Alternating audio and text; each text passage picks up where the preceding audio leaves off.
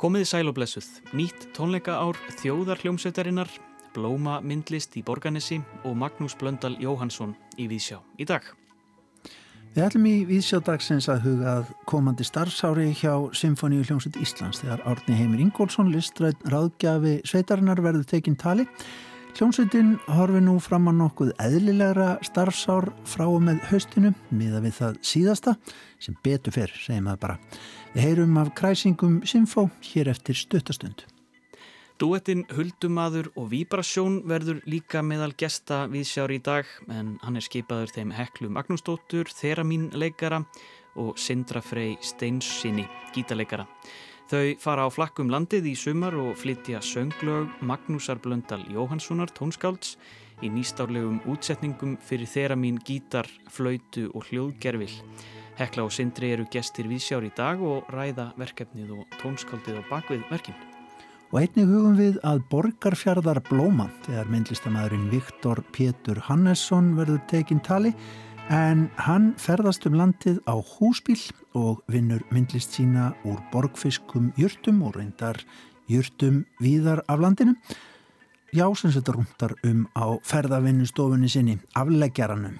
Viktor Pétur segir okkur frá síningu sem hann ætlar að opna í Sapnahúsinu í Borganesi á lögadag. En fyrst Sinfoníu hljómsveit Íslands. Víðsjá er komið með í hendur, uh, já, eiginlega bækling sem er ekki komin út en þá. Uh, þetta er uh, næsta starfsár hjá Sinfoníu hljómsveit Íslands 2021-2022. Bæklingur sem er að bara renna úr prentsmiðunni þessa dagana en ég held nú samt á honum og hérna og góð tilfinning að vita því að við eigum kannski í vendum venjulegra tónleika ár en það síðasta var, verður maður að segja. Hingað komin Átni Heimir Ingólfsson sem er listrætt ráðgjafi Sinfoníu hljónstar Íslands. Átni Heimir, hvernig er tilfinningin bara að fá bæklingin í, í hendur? Hún er mjög góð, hún er væga sagt bara dásamleg. Við náttúrulega í fyrra á þessum tíma fyrir ári síðan þá vorum við tilbúin með svona bækling sem fór aldrei í prentun. Uh, nú er hann allavega komin úr prentun það það er eitt skref, nei við, við erum bara gífurlega spennt fyrir þessu nýja starfsari sem að ég held að verði bara ótrúlega spennandi og glæsilegt og fjölbreytt og bara eins og við höfum lagt metna okkur í alltaf að, að gera. Já. Við hér á Ráseitt höfum verið með okkur í vetur í svona skrikkjóttu tónleikahaldi en samt ótrúlega ótrúlegt til eila hvað hefur náðst að halda af tónleikum með auðvitað þeim tak takmörkunum sem hafa verið í, í gildi í hvert sinn og hljómsveitin sjálf hún hefur svona gísnað og svo þjesta þess að sviðinu hefur maður séð eftir því hvernig, hvernig reglurnar eru en núna á svona blása í lúra, ekki satt. Þetta er svona venjulegt tónleika ár. Þetta er venjulegt tónleika ár uh, og ber kannski soldið svipa því að vissuleiti að, að náttúrulega þótt við höfum geta haldið úti svona tiltúlega reglu og tónleikahaldi og ég minna margir kollegar okkar út í heimi eru bara gífurlega afbrísamir í hvað, hvað okkur tókst þá að gera en, en náttúrulega það voru ímis stór verkefni sem bara eðli málsins samkvæmt þurfti að fresta mm -hmm. og þau fara þá inn á næsta starfsári, ég get nefnt til dæmis bara strax í ágúst tónleikar sem heita Ný Klassík og Symfó það sem svona dægustjörnur eins og Bríett og GTRN stiga fram með symfóníunni. Það eru Harry Potter bíótónleikar í november þar sem að symfónían spilar tónlistina við myndina sjálfa. Uh, Valkyrjan í februar á næsta ári sem að er svona stæsta verkefni symfóníunar ekki bara í, í næsta vetur heldur bara í mörg, í mörg ár sko. uh, gífurlega stórt og, og veglegt og, og mikið að umfangi mm -hmm. Valkyrjan eftir, eftir Íhjart Vagner uh, og, og Æjón eftir önnu Þorvaldsdóttur dansverk sem við flytjum með Íslenska dansfloknum mm -hmm.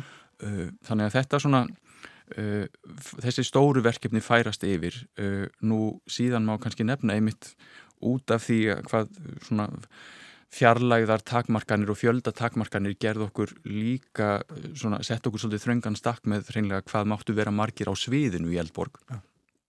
þá hefur svona hljómsettin kannski fókusera meira á kannski Mozart og Beethoven og svona uh, verk fyrir tiltur sem á að gera með tilturlega minni hljómsveit mm. Uh, og á móti kannski á næsta ári leifum við okkur að fara svolítið meira í hinn áttina. Mm -hmm. og Eva Ollikainen, aðalstjórnandun okkar, hún er, hún er mjög hrifin af, af Richard Strauss og hans tónlist. Og það verður tölverst af hans verkum sem eru fyrir mjög stóra og veglega flotta symfóníklómsveit, uh, ekki nefnd Don Juan, uh, Ein Helden Leben, Hetju Líf, Rósarittara Svítuna fjóra síðustu söngva. Þetta er allt verk eftir strák sem, sem hljóma næsta ári. Þannig að, að við erum svona að vonandi getum fikrað okkur út úr, út úr þessu ástandi með því að, að svona láta hljómsveitina alla njóta sín í, í virkilega glæsileg, glæsilegu fullu stærð þannig að það verður, verður ánægilegt En ekki heyra smá Ríkard Strauss þannig að lengur er haldið Endilega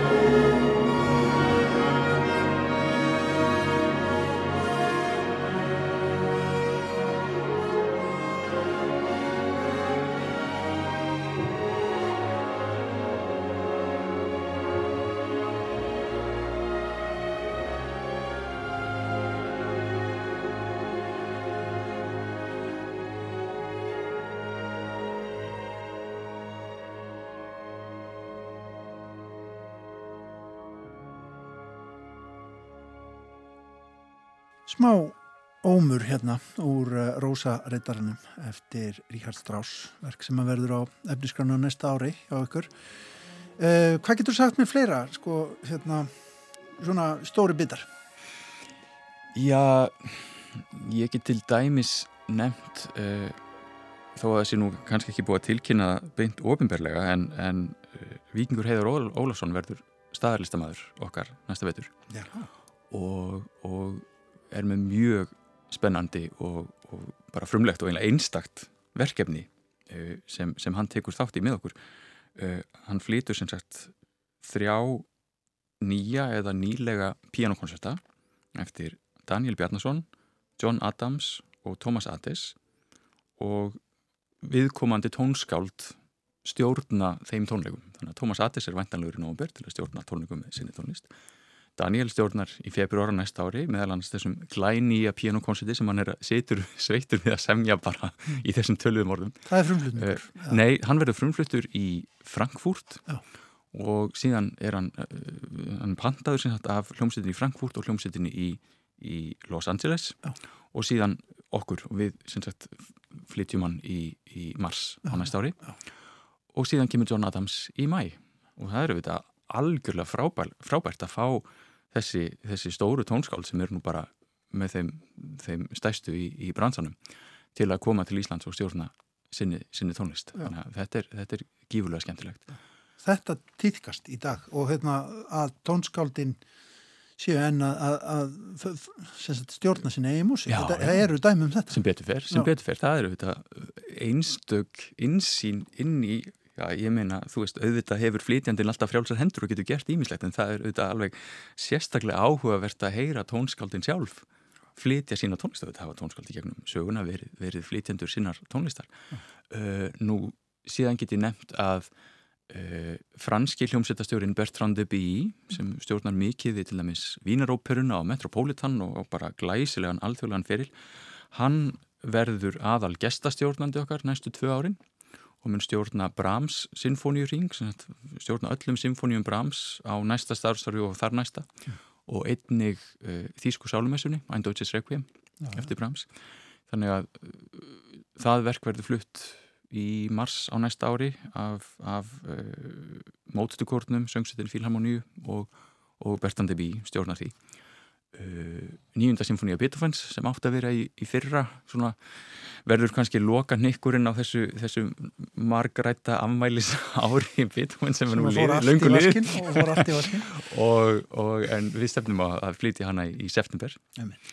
Eh, þannig að það er, það er af, af mörgu að, að taka. Þetta, þetta, er, þetta er skemmtilegt og líka fjölbreytt og ég get líka nefnt bara til dæmis sko fjölbreytni í, í einleiksljóðfarum, það vil stundum brenna við að kannski piano og fyrla eru svona algengustu einleiksljóðfarin og við svona tókum það svolítið vítt og breytt á næsta ári. Fáum til dæmis fyrsta hotleikaran í Berlinarfílharmonínu til að koma og, og spila koncert með okkur, Stefan Dór. Mm. Fyrsti básunuleikarinn í koncertkipá hljómsettinni kemur og spila básunukoncert uh, Geir Draugsfól sem er fremsti harmonikuleikar í Norðurlanda hann kemur og spilar í, í tveimur uh, koncertum eftir Sofíu Gúbætúlinu og þá má kannski kjölfæri líka nefna það að, að, að, að á töluvert mörgum tónleikum á næsta starfsári eru eru verk eftir konur sem að hafa eiginlega gleimst í áranar ás eða aldanar ás og eru svona smám saman að uppgötvast núna og er, er gífurlega skemmtilegt og spennandi að fá reynilega að taka þátt í þeirri vinnu að svona, þetta er svona pínlítið eins og forleifa uppgröftur að, að grafa upp þessi verk sem að eru reynilega frábær og engin ástæða til þess að hljóma ekki til japs við öll þessi verk eftir kallana sem að hafa átt sviðið síðustu aldir. Uh, ég get nefnt uh, Þýst Sinfoníu tónskald frá 19. öld sem heit Emilí Mæger Breska uh, Sinfoníu konu frá 20. öld sem heit Doreen Carwithen ég minna þetta er nöfn sem maður eru aldrei heyrt en er full ástæða til að kynna sér þannig að, að líka í þessu þá, þá held ég að næsta starfsár enginnist af mjög skemmtilegri fjölbreytni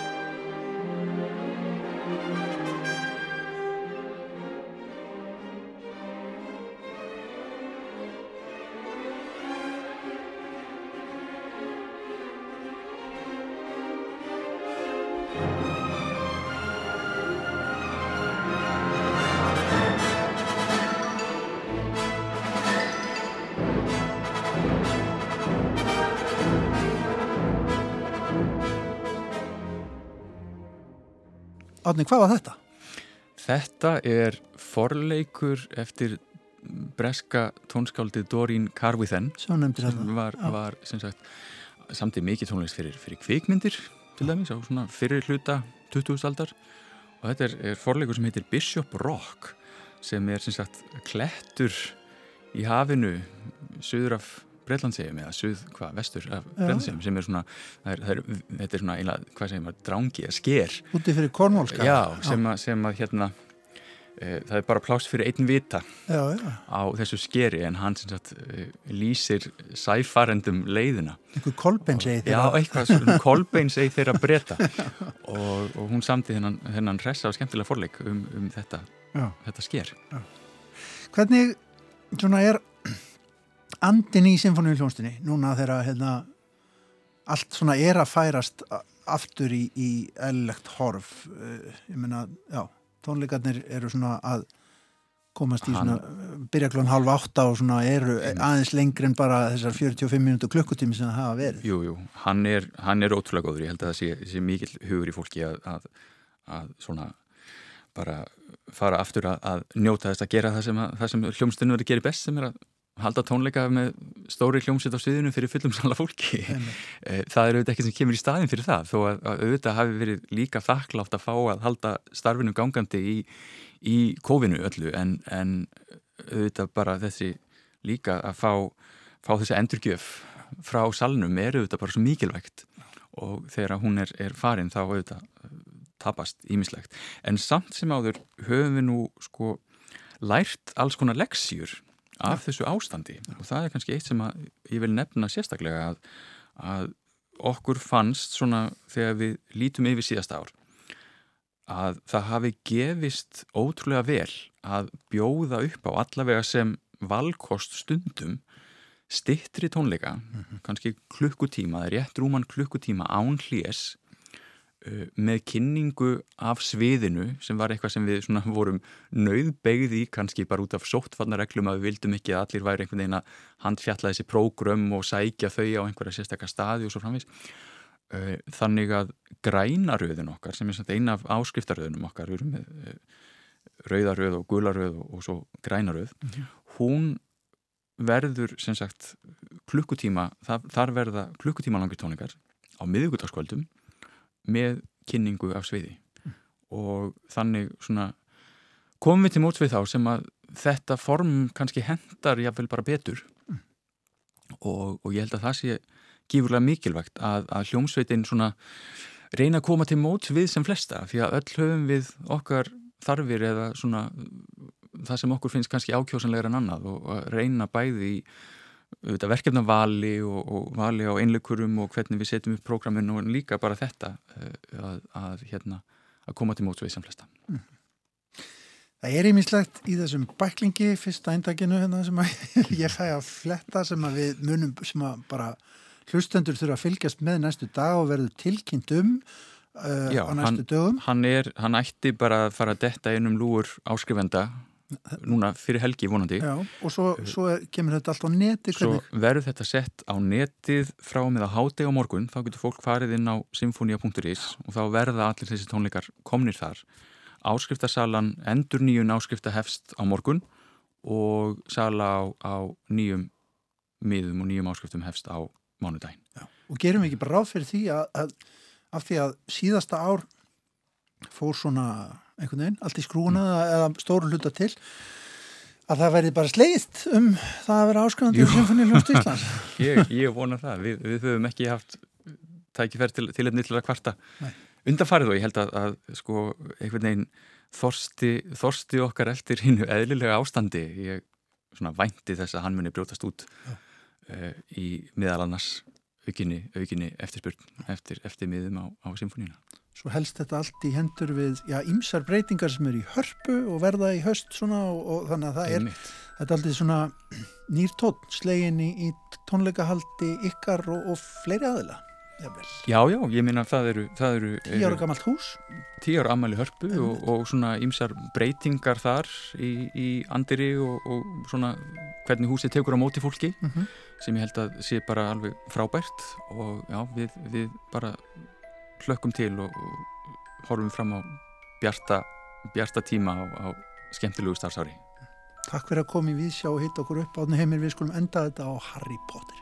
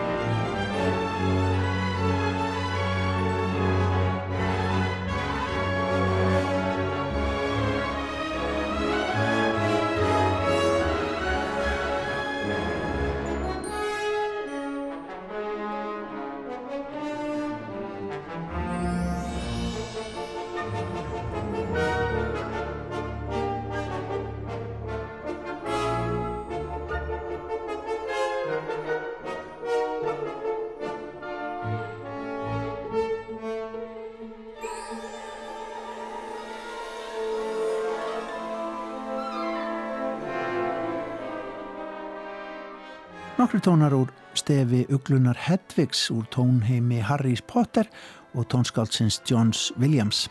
Sinfoníuljómsveit Íslands hér að leika á tónleikum í Háskóla bíói árið 2009 en þessi tónlist verður meðal þessum sveitin leikur á tónleikum á næsta tónleika ári sem hefstöðu þetta í höst en hún fer ég að kynna það allt saman betur næstu daga. En því við þetta bæta að eftir að við spjöllum saman ég og Átni Heimir þá kom tilkynningum það að kanadíska sópransöngunan Barbara Hannigan og hljómsveitastjórin verður meðal gesta Sinfoníu hljómsdar Íslands á næsta tónleika ári, verður með tónleika næsta vor sem að verða hluti af eh, listaháttíð í Reykjavík. Forvittnilegt að fylgjast með því enda mögnuð tónlistakona þar á ferð. En þá yfir í myndlist og blóminn sem spretta.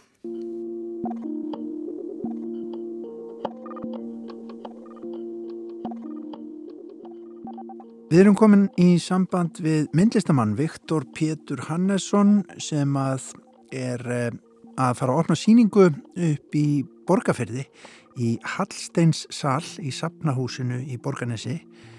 Eh, Viktor Pétur, gott sæl og blessaður, hvar hitt ég á þig? Akkurát núna sitt ég í afleggjarnum í bílum mínum. Já, við þurfum að... Vinnustofa mín. Það er vinnustofaðinn, það er bíl.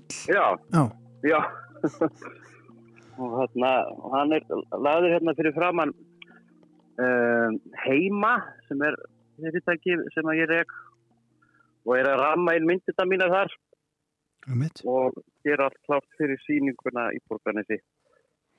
Hvað getur þú sagt mér um þessa síningu? Þú ert að hugsa um, já, borgfiska flóru ekki satt.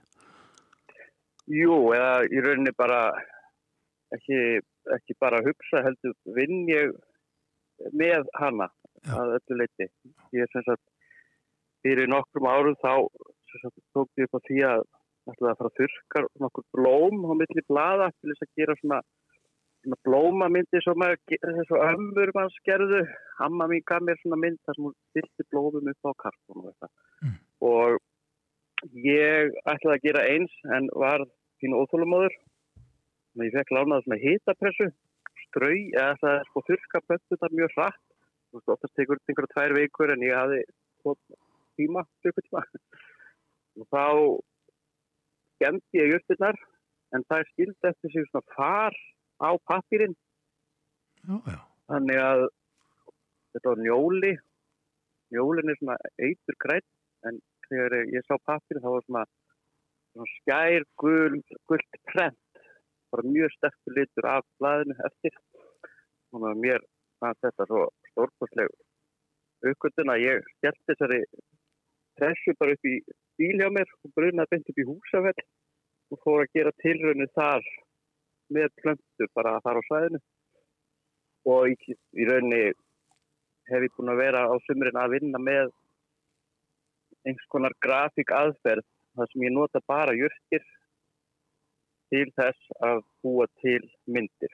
Já. og uh, svo í fyrir fimm minnur síðan bauðs mér að opna síningu í Safnahúsi Borgarfjörðar sem átti að vera í nógundar í fyrra. Það var fresta út á COVID og verður núna aftur Mm. opnuð í á lögadaginn áformlegar og opnunar verður hérna í mánuð. Uh, en ég sem sagt, hef verið alltaf mikið að fara út um allt að sapna jörgum og nota svolítið þessa aðferð sem leið til þess að ferðast og kynnast mínu umhverju nær og fjær. En þarna í borgarfyrði hef ég oft átt viðkomu og sérstaklega síðasta sumar því að þá var ég komið með þessu síningu sagt á planið og við búin að fara þess að þýða um sveitina þannig í nákvæmni borgarfyrðar eða nákvæmni borgarnes og bara í bænum sjálfum búin að kynast alls konar flóru og fólki Mm -hmm. en við komst að því stjæmtilega að þarna ég er alveg á eigilstöðum þar vex blóm sem heitir bláklukka bara eins og arfi út um allt Mm -hmm. en hún vex ekkert mikið víðar en það en eitt af því fyrsta sem ég sá í borgarni sem var bara einn svona vöndur af bláklukkum sem að ógst bara þannig út á einu kvötuhóttni og svo fann ég meiri bláklukku í í klettunum og í fjörunni í borgarni sem ég fannst alveg stórkvæmlega. Mm.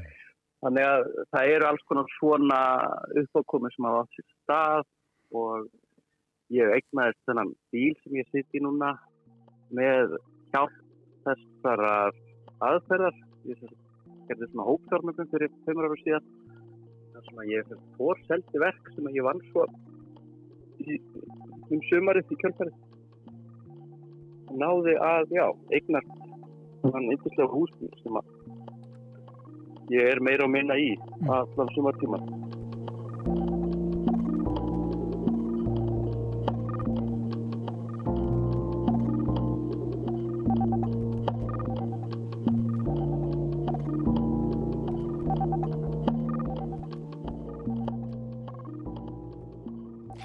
Er, afleggjarinn húsbíliðin, er hann sér útbúin til myndlistar þróunar og vinslu, skulum við segja? sko, hann var allavega það var, ég þurfti að leita lengi að rétta bílnum í rauninni. Ég hafði sko í rauninni ekki tíma eins og með pressuna, ég, ég hafði ekki tíma til þess að fara í að smíða inn í bíl sjálfur, heldur sko að hvað ég leita bíl sem myndi passa mér og mikið af þessum húsbílum eru úðalega mikið innréttaðir, það er mikið af skápum og mikið einhverju dóti sem að ég hafði ekki beint nót fyrir. En svo fann ég þennan bíl hjá, hjá svona fyrstu kamperleigu landsins sem var að þeir, þeir voru að hætta störfu fyrir þetta leiti mm. og þeir eru bara með mjög einfalt bara rúm og það er oljukynning og það er vaskur en engin krani. Bara þú veist rúsi og þetta er allt sem það og þá er ég með plássi sem ég þarf til þess að draga svo persóna út og bara vinn svo bara úti á borði sem að ég annarkvæmdi bara með upp á þakki hjá mér eða ég var alltaf með tjaldvakt sem ég gæti líka sett upp sem að ef það var ómikið róka eða regning þá gæti ég unni þar inni og Þannig að þú inn, vinnur alveg við efni viðinn sjálfan og, og, og getur já. bara tektið niður í svörðin til þess að ná í næstu plöntu til þess að vinna með. Já, já, hóstalega. Bara þetta svona og stundum einmitt þegar ég taldi á ferðinu nokkra daga og eins og þetta suma 2019 þá var ég á ferðinu vestfyrði í svona mánuð og svo einu tímpúti var ég uppurskrópa með pappir þannig að það ekki og unni verkið mín en ég var samt alltaf að finna staði sem ég þurfti að týna juttur á mm. ég svona, já hérna þarf ég að týna þessi blóm þarf ég að fá og, og eitthvað svona og svo var ég komið bílinn huttan að blöndum, mætti á Ísafjörð, eldstunum morgun og hitti þar vinið mína sem er eitthvað kaffihús og þau bjóða mér að opna síningu sama dag. Og ég bara, hvað, já, ok, þannig að ég fór inn á innrumanverkstæði á Ísafjörði og hefti þar slatt af pappir, kartónum og vann síninguna bara samdægur. Svo var ég bara þannig að kósveitti þannig að bara búin að setja upp tjaldvagnin bara í björgarinn hjá þeim í heimabíð þetta mm. og já, náðu að setja eina síningu úr þessar verkum sem ég hafði sapnað mér í síðustu færa vikur og undan mm. Það hljómar eins og þú sért mjög já, frjáls í listsköpuðinni og, og, hérna, og ferðalögum Já, þetta er aldrei hýrbalegt, finnst manni. Jú, þú hefði mikið það sagt það, sko. Ég laði minn sagði mér að velta fyrir sér hvort þetta væri svona sprottuð upp úr svona, einmitt svona ótreyju að þú veist, ég er ekkert volið að þólumóður málari til dæmis, ég hef aldrei haft það í mér. En þú veist, ég finn þessa róð þegar ég er bara á, á plakkinu, sko.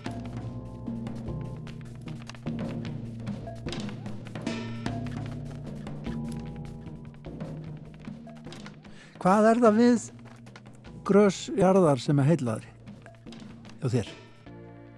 Hmm, einmitt. Þau eru markbreytileg og þau koma alltaf aftur. Ég er alveg svona, svo finnst ég að segja að ég sé að fara að halda í einhvers konar retrospektu síningu eftir fjögur ára rannsóknir, það er nú ekki langur ferill almennt séð en á þessum tíma er ég búin að sjá að, þú veist, ég er búin að kynast í þessu formi án þess að vera á neitt með vísindarlegar rannsóknir að baki eða tekningu að ég veit að þetta blóm gefur bara annarkvært ár. Ég veit að þessi blálilja vex mjög mikið á einum fjörustuppi í berufyrði eða ég býð spenntur eftir því að gera fram hjá Velarsólatjötninni ykkur fyrir norðan. Þetta er svona, já, þetta eru bara, það er magnað að fylgjast með landinu kvikna og, og lífgast upp. Mm. Við þetta verða fleiri eftir því sem maður horfir meira Ég, þarna, ég sitt hérna í bílum og horfi út á umfyrraegju sem er full af fýblum og fiskigrunnum. Þetta var bara grátt og þáðsæðilegt fyrir einhver manni síðan. Þetta er galdur. Er svona, þetta er galdur. Þetta er málið að þetta er galdur. Já. Já, þetta líka bara tengst við tíman, fórtíðina, fórtíður og fórmæður. Þú hugsaði til ömmuðunar? Já, gerir það. En Viktor Pétur Hannesson, takk kærlega fyrir spjallið. Takk fyrir að segja okkur frá því hvernig þú vinnur með plöntur í þínum verkum og við bendum á Borgarfjörðar Blóma sem verður opnuð í Hallsteinsal núna á, á lögadaginn. Já. Bestu takkir. Og, og, og, halda fram að rúlum landið og skoða blóminn og vinna með þau. Ég gerir það, já, nei. Takk. Bless, bless.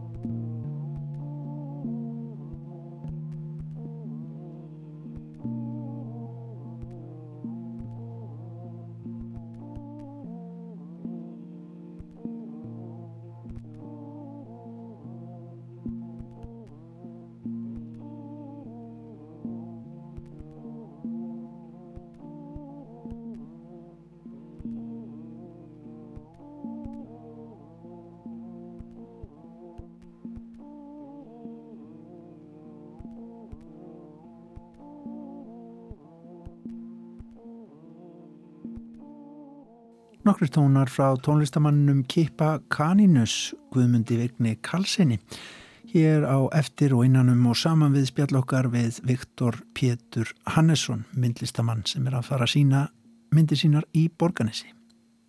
En þá að síkildri íslenskri tónlist í nýjum búningi.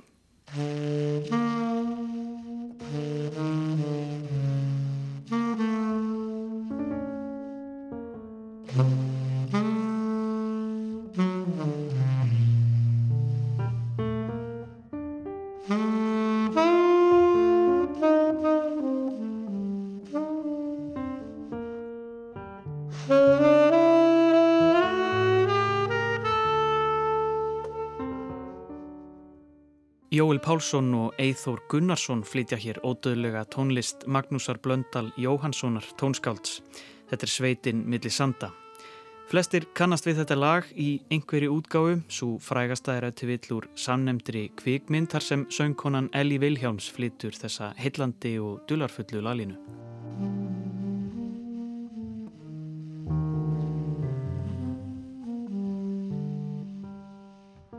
Magnús segist hafa samið þetta lag í mikilli sorg um það leiti sem eiginkona hans fjall frá. Þegar hann var að keira söður úr borgarfyrði, laust laglinni niður í huga Magnúsar og hann segir frá því svona í sjómansviðtali við Dagsljós árið 1997. En til dæmis eh, þegar ég misti fysikonum minna sem á 34 gömur úr síkdómi þá, þá var ég búin að semja lag sem heitir núna Sveitimildir Sanda en það var ekki uppfærlega undir því nafni, það var uppfærlega ég hafði mjög mikið uppáhald á Elli Viljáms og ég samdi þetta lag með hann í huga. Og ég man alveg hvað ég samdi það ég var að koma á borgarfyrði og þá, hopp, þá hoppaði þetta lagan í hugan á mér í kvalfyrðunum svo ég stoppaði bílun og skrifa. Og hérna og þá gaf ég nefn altså það er, eiginlega Arja fyrir Elli en ég stýtti það og kallaði Arja Elli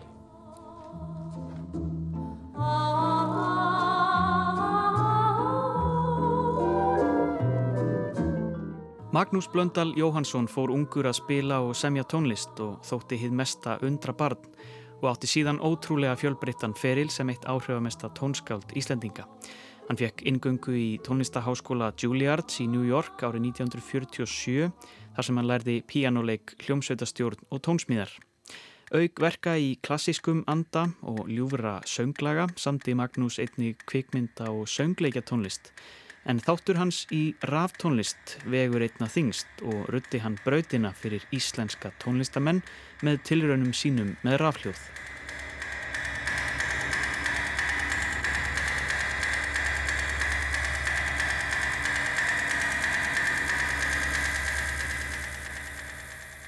Nú hefur íslenskur tónlistadúett sem kalla sig Huldumadur og Víbrasjón tekið tónlist Magnúsar Blöndal upp á sína arma.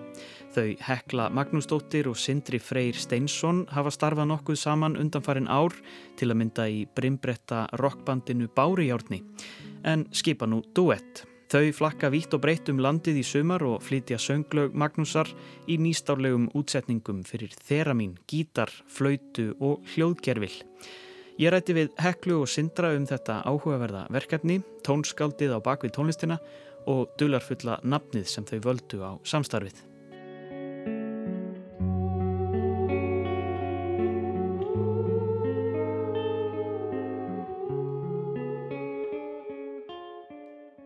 Eh, þetta nafn kemur eftir, úr hérna málverki samnefndu eftir Jóhannes Kjarval. Ég var hérna uh, statur í landsbankanum í Östustræti að sækjum yfirdrátt eða eitthvað líka. Mm.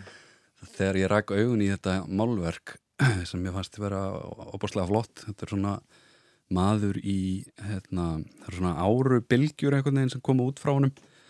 Og mér fannst það nafn bara alltaf flott. Svo þegar við hekla fórum að, að hérna, spila saman að þá myndi ég eftir þessu nafni og þá var hausverkurinn um hljónstanafnið leistur öðuldlega um, en svo er þetta náttúrulega mjög förðulegt nafn líka en svo er líka sko ég er búin að vera uh, svona minna áberandi heldur en ég kannski var. Ég var í einhverjum hljómsýttum hérna fyrir 3-4 árum. Uh, þannig að ég er svona búin að vera ákveðin huldumadur Hekla er á, á þetta æðislega hljóðfæri þeirra mínið sem að er með mjög flott vibrato þannig að það er svona, passar ákveðlega líka. Og þú uh, spilar á gítar. Þið eruð að leika lög um, eftir Magnús Blöndal Jóhansson Já. hvernig er það, er það upplegið með dúetinum eða hvernig, hvernig kemur það til? Um, sko við heyrum þennan disk eða hekla eða bendur mér á þennan disk í rökkri.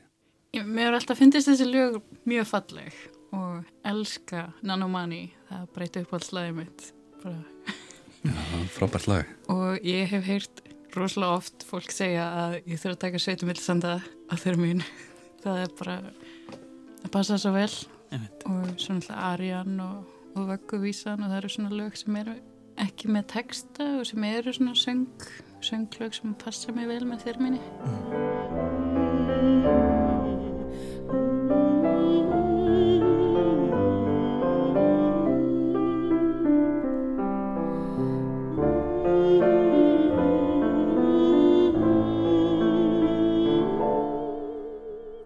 svo sko hérna byrjuðu aðeins að spila síðasta haust saman uh, og við ákváðum að hérna bara sækjum styrk fyrir því að fá að spila þetta efni. Og það er í rauninu og veru bara í krafti þess sem við ákváðum að, að kýla á þetta og gera þetta almenlega að fá að flytja þessi lög í, í hérna, nýjum útsetningum uh, og svona raf útsetningum að því að við erum bæði hérna með ný börn á heimilinu og það er svona mjög erfitt að finna tíma en, en svona í krafti þess að við gáttum fengið örlítið laun fyrir þetta þá náðum við að sökka okkur í, í þetta núna fyrir sumarið sko. Og uh, Magnús, eh, náttúrulega bísna áhrifamikill, uh, sko, tónlista, tónlistamæður, uh, lagahöfundur, líka sko fyrir svona, einmitt, raf tónlist og, og tiluruna starfsemi. Hafið þið kynnt ykkur það eitthvað? Já, eh, náttúrulega hann er svona frumkvöðul ráðtónlistar á Íslandi og, en við erum náttúrulega að taka meira þessi sönglög, ekki, ekki raf, en við erum samt svona að breyta þeim í Já, meiri raf búning, það var, homage. Já. og var svona á teikniborðinu sko okkur langaði að reyna að leika eitthvað af þessu rafefni eftir uh, en það er bara svona reyndist ómögulegt að ætla að leika það eftir live þessar segulbandsklippingar sem að hann var mikill frumkvöðl í og voru náttúrulega mjög magnaðar á sínum tíma. Uh, þannig að við fárum eiginlega frekar þá leið að taka þessi sönglög sem ég skilst að séu mest samin sko þegar hann er út í New York. Áður en hann kemur heim og áður en hann hefur í raun og aðgang að þessari nýju tónlist áður en hann kemur með já, bara 20. aldar tónlist til Íslands. Það er raun og veru það sem hann gerir. Þannig að, að svona við ég allavega vil ímynda mér það að hérna að Magnús hefði haft eh, gaman að því þegar hann var í, í þessum hluta höfundaferil síns að, að geta haft eh, svona já, aðganga rammagni þannig að, að það sem að við erum að gera er svona að rafvæða þessi annars klassísku sönglög sem að eru skrifið út fyrir píano og, og söngrödd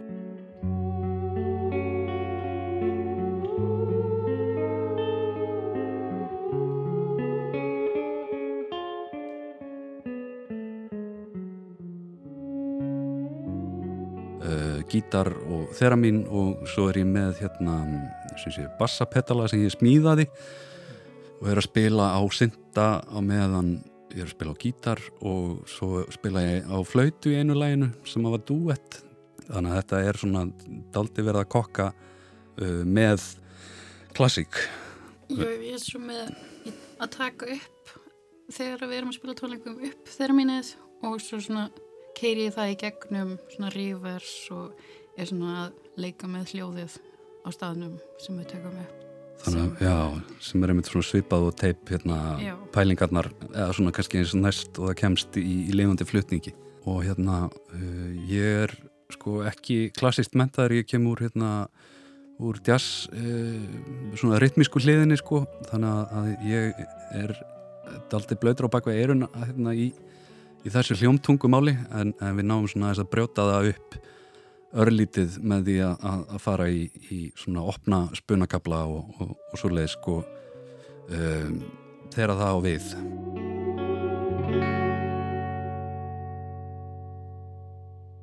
En hvað er það við þessi sönglög? Svona, hvað, hvað, hvað finnst ykkur einkenna lagasmíðarnar og, og svona, er einhverju undirtónar sem að límynd allt svona saman? Já, sko lögin eru í sjálfu sér frekar einföld. Þau eru hérna um, þau eru næstum því sko ef maður, ef maður strýpar þau niður ef maður strýpar sko útsetningarnar og allt, allt burt þá eru þau næstum því bara eins og sko barnalög Mm. finnst mér. Og, og einmitt, eða bara vögguvísur eða, eða svona húsgangar. Það er einhver svona einhverjur einfaldir töfrar og svona sterk já, sterkar melodíur og, og svona grípandi melodíur í, í mjög svona hefbundin hljónfræði það er, það er ekkert sko, já það, hann leikur sér örlítið með, með svona tólftóna eða, eða heiltóna skala. Og ég veit ekki hvort að það er útsetning átnaheimis e, sem að er þar eða hvort að það eru áhrif frá Sjönberg sko sem að er náttúrulega samtíma maður hans aðna úti einhverju leiti í New York en, en annars eru þetta bara, bara heimaljómar í, í mól, það eru ég held að séu sko meirinn helmingurinn af lögunum sem við spilum í A-mól sem er eh, hérna bara já, einfaldasta tóntegundin eila til að spila í það er sétur og A-mól eða þetta á piano að þá hérna er það bara kvítunótunar og, og hérna það er einhver bara svona einhver svona nakin fegurð í þessu og í, í músíkinni er, er bara svona saklaus einfældni en í tekstunum er, er hérna, sem að við náttúrulega reyndar flytjum ekki að þar er, er svona harmur og, og lírik einhver, mm. þetta eru mjög merkilega lög og, og, og eiga skilið að hljóma víðar. Já, mér finnst þetta sérstaklega sláðandi hvað þau eru lítið spiluð. Þetta eru svo fellið lög og það ætti að heyrast miklu óttar að mínum að þið Þetta er svona hérna, eins og íslenska einsöngslæð sko, eins og söngvarar flytja. Þetta er ekkit í þeim katalóg en, en náttúrulega áskjörður Jónisdóttir og þau sem að, að komu að plöt, plötunni hérna, í rökkri þau allavega höfðu mjög mikil áhrif á, á okkur og hérna okkur langar svona að halda áfram að bæði að halda nafni Magnúsar á, á lofti og, og bara, já, kynna öðrum fyrir þessari, þessum töfrum sko.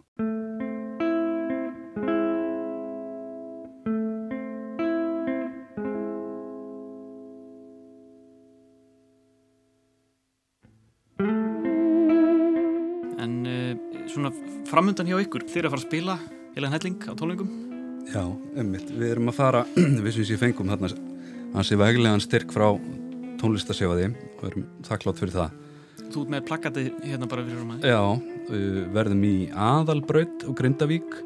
Núna næstkomandi 50 dag klukkan 8 klukkan 4 og sunnudaginn verðum við Akranesvita. Annan júli í þjóðlagasetrunu og Siglufyrði þriðja júli í Kaktus sem er hérna menningaríma á Akureyri.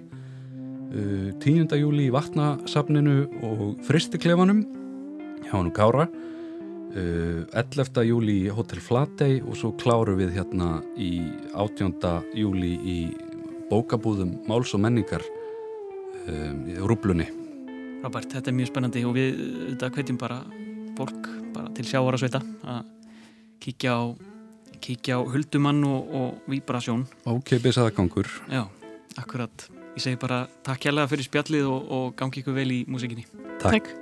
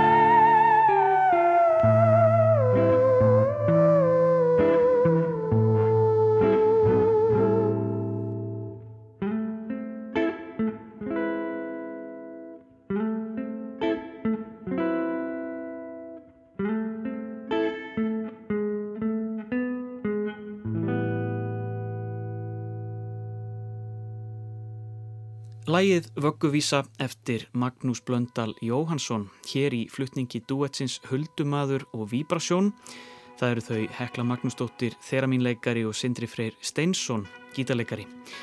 Þau eru á leiðinni á smá ferðalag um landið að lefa landanum að kynast þessum flottu útsetningum á lögum Magnúsar og þennja Þeramín og gítar núna næst í Grindavík á fymtudag. Já, frábært að unga fólkið sé að rifja upp þessa góðu tónlist. En Svona ágættu hlustendur ljúkum við við sjá í dag. Verðum hér aftur á morgun í dagskar rásar 1 klukkan 16.05 Takk fyrir samfélgina, verið sæl. Verið sæl.